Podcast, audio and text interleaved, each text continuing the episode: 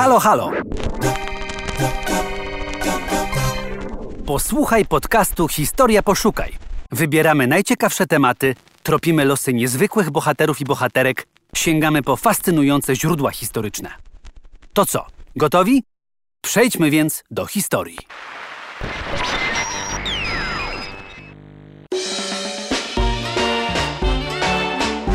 Słyszycie to? Do tych melodii tańczyła Warszawa lat dwudziestych XX wieku. Oszałamiającej muzyce towarzyszyły stylowe kreacje. Cekiny, hafty, pióra i szalone kolory zdominowały taneczne parkiety stolicy. W latach dwudziestych w hotelach i restauracjach powstało wiele sal dancingowych. Pierwszy warszawski dancing odbył się w hotelu Savoy. Potem słynne stały się wieczory w Oazie i Adrii. Popularność dancingów to jeden ze skutków rewolucji obyczajowej i emancypacji kobiet. Nastąpiła ona w czasie I wojny światowej. W latach międzywojennych wiele pań podjęło pracę zawodową. Zmieniły się także sposoby spędzania czasu wolnego. Popularność zyskały sporty i właśnie taniec. Efektem tych zmian było uproszczenie mody damskiej. W latach dwudziestych XX wieku elegantki inspirowała chłopczyca, bohaterka popularnej powieści Wiktora Marguerite Lagarçon z 1922 roku. Modna stała się młodość. Strój miał ukryć wiek damy.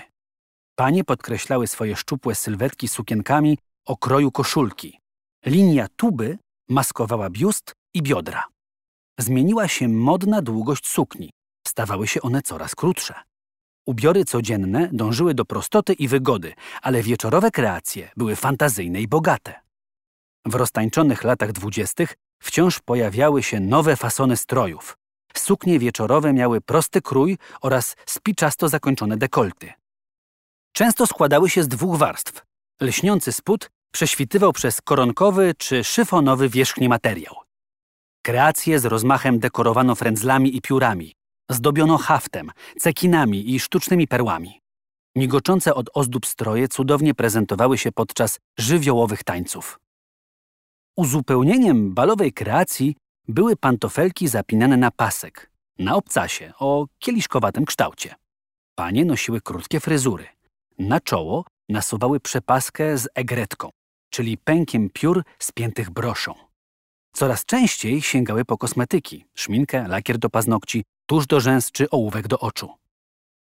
Satyryczka Magdalena Samozwaniec po latach tak wspominała modną dziewczynę z czasów swojej młodości. Zrobiona na modną, wziętą z filmów rysunkowych Disneya Betty Boop.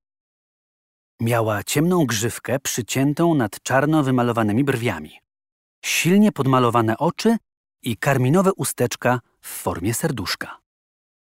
Kryzys ekonomiczny, który ogarnął Europę po 1929 roku, przyniósł też kres beztroskiej zabawie. Roztańczone chłopczyce musiały wydorośleć, a moda się zmieniła. Jeśli chcesz zobaczyć, jak wyglądały kreacje z lat dwudziestych, odwiedź portal Historia Poszukaj i zajrzyj do artykułu Agnieszki Dąbrowskiej pod tytułem Cekiny na tanecznym parkiecie. Międzywojenna suknia do tańca z Muzeum Warszawy. Historia. Poszukaj.